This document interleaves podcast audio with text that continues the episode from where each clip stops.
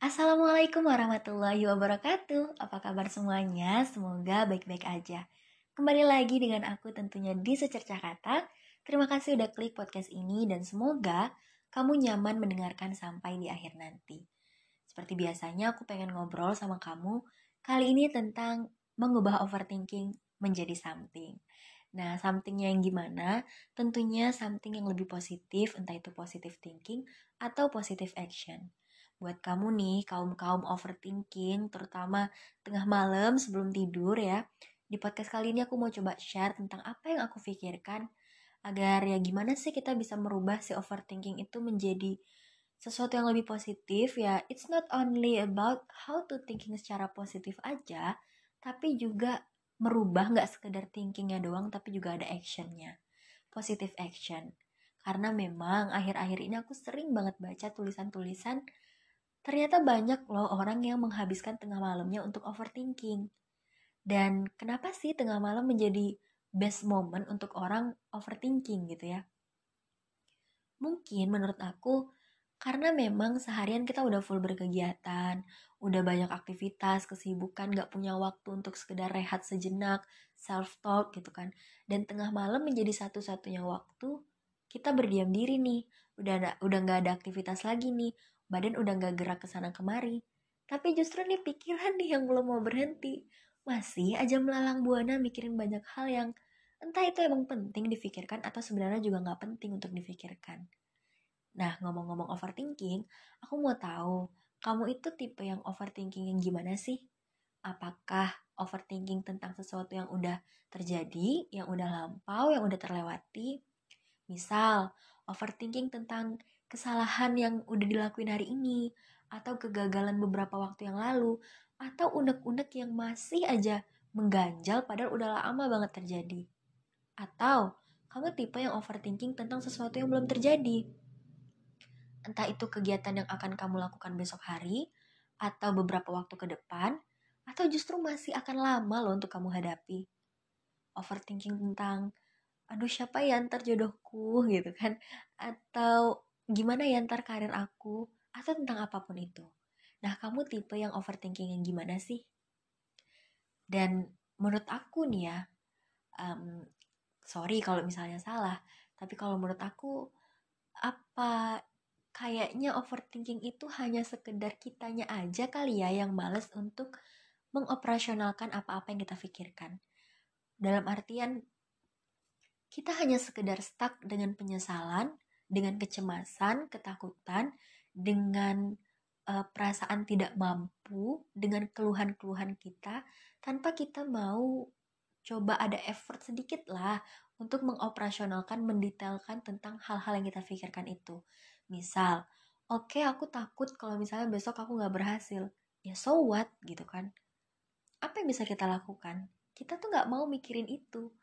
Oke okay, hari ini aku tahu aku salah ya terus kalau aku tahu aku salah aku mesti gimana dong? Oke aku takut nih kalau ntar orang bakal ngebully aku orang bakal cemeh aku. Ya terus aku mesti ngapa? Ada nggak bisa kita lakuin? Nah kadang kita tuh nggak mau memikirkan gimana ngelakuinnya, gimana mencegahnya, gimana mengatasinya, tapi kita hanya stuck di rasa penyesalan dan rasa kecemasan dan juga um, rasa ketidakberdayaan itu tadi, keluhan-keluhan kita. Nah, di podcast kali ini aku mau coba share tentang dua hal. Pertama, kalau kamu tipe yang overthinking tentang sesuatu yang udah terjadi. Ini udah lampau nih, tapi masih aja kepikiran sampai sekarang. Ya terus kita bisa ngapa dong? Ya menurut aku mungkin kita bisa bermuhasabah diri dan mengevaluasi diri. Karena kan ini udah terjadi nih, udah lewat nih. Ya coba deh kita evaluasi. Nah, yang mesti kita evaluasi itu apa? Ingat, kita hanya bisa uh, hanya perlu menyibukkan diri tentang sesuatu yang bisa kita kontrol. Sesuatu hal yang di luar kontrolnya kita ya nggak usah kita pikirin deh. Buat apa sibuk-sibuk mikirin yang kita juga nggak bisa kontrol? Udah lupain, ikhlaskan, cuekin aja. Dan apa yang kita bisa kontrol, ayo fokus ke situ. Apa yang bisa kita lakukan, mengevaluasinya. Dengan cara gimana ya? Mungkin kita bisa buat list nih entah itu listnya hanya di pikiran aja atau kita tuliskan di buku, di diary atau mungkin di notes di handphone gitu kan atau di mana aja. Mungkin kita bisa mulai dari apa aja sih kegiatan hari ini dari bangun sampai akan tidur lagi nih. Apa aja sih yang kita udah lakukan mungkin dari ibadah kita seperti apa, komunikasi dengan keluarga, dengan relasi, dengan orang yang bahkan kita mungkin gak kenal. Kemudian kita bisa juga ngelisnya itu dari negatif side-nya kita dan positif side-nya kita. Oke, hari ini aku udah ngapain aja. Negatif side-nya dalam artian gagalnya di mana nih? Cerobohnya di mana? salahnya di mana, kurangnya kenapa gitu kan. Itu kan anggaplah itu negatif side-nya gitu ya. Nah, tapi jangan hanya stuck di negatif doang. Positifnya kita apa? Coba kita gali, kita ingat lagi, kita sadari bahwasanya kita juga punya pencapaian walaupun hanya sekedar hal-hal sederhana yang gak mesti big things juga gitu kan. Gak mesti sesuatu yang benar-benar berhasil baru kita anggap itu adalah pencapaian. Ya gak mesti. Kita bangun pagi semangat menghadapi hari itu kan udah hebat gitu kan. Kita udah bisa mengontrol moodnya kita hari ini udah happy itu kan udah hebat.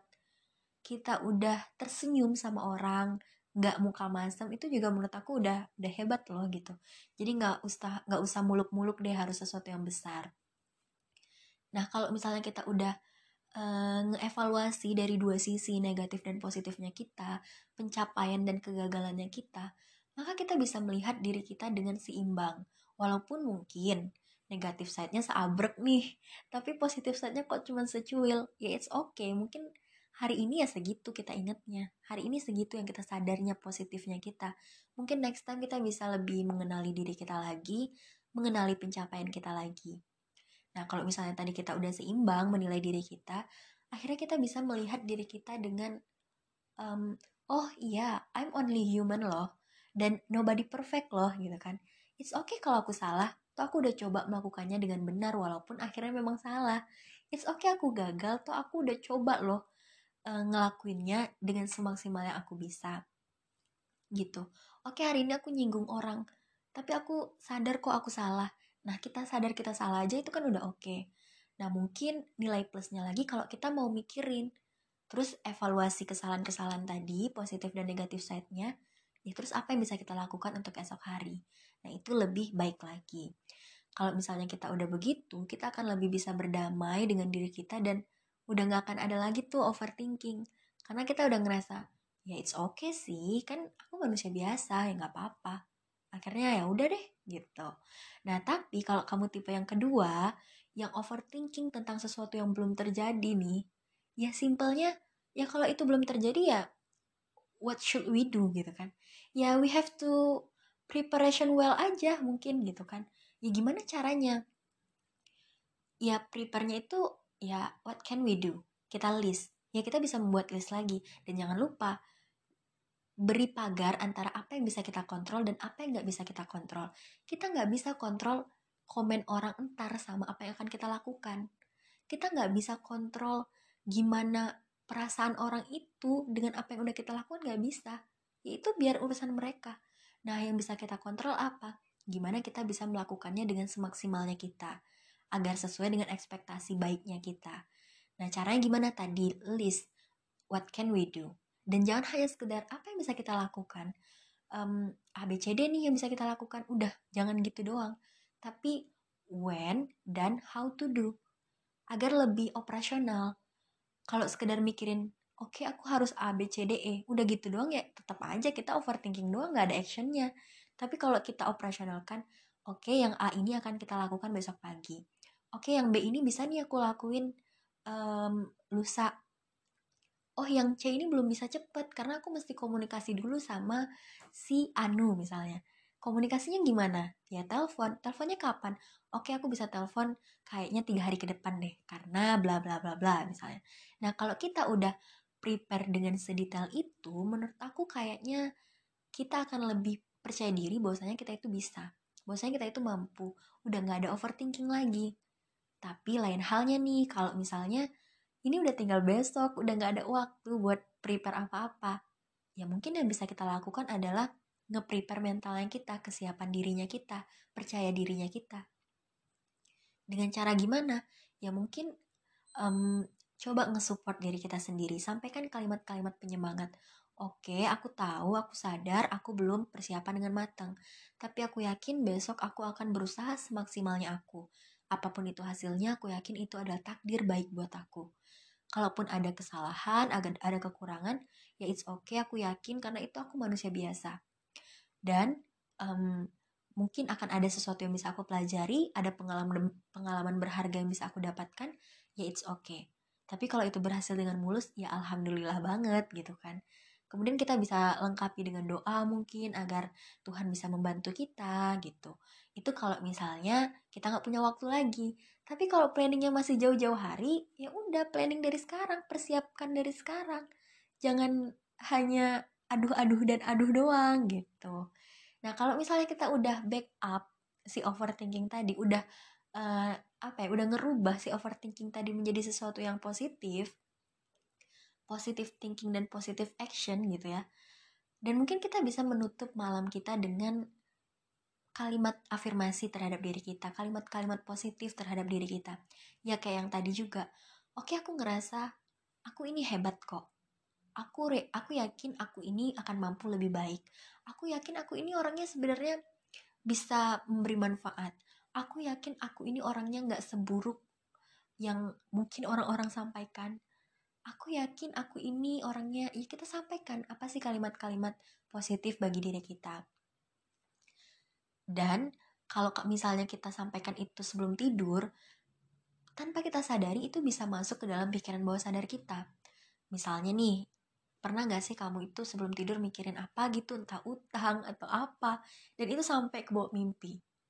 Nah gitu juga sistem kerjanya kalau misalnya sebelum tidur kita menyibukkan diri untuk menyampaikan kalimat-kalimat positif tentang diri kita. Maka itu juga yang akan masuk dalam pikiran bawah sadar kita. Bayangin kalau misalnya setiap hari, setiap malam, kita selalu mengafirmasi diri kita dengan hal-hal positif itu. Maka itu juga yang akan memenuhi pikiran kita. Kita nggak akan ada lagi nih tempat untuk suuzon sama kemampuan diri. Nggak ada lagi tempat untuk bernegatif thinking, untuk ngejudgment secara negatif tentang diri kita karena kita udah pede, kita udah yakin bahwasanya kita hebat, kita mampu, dan mampu menjadi lebih baik lagi. Nah itu tadi, menurut aku kita bisa merubah sih si overthinking itu menjadi something. Tapi poinnya, jangan males untuk mau berpikir mengoperasionalkan apa-apa yang udah kita pikirkan tadi.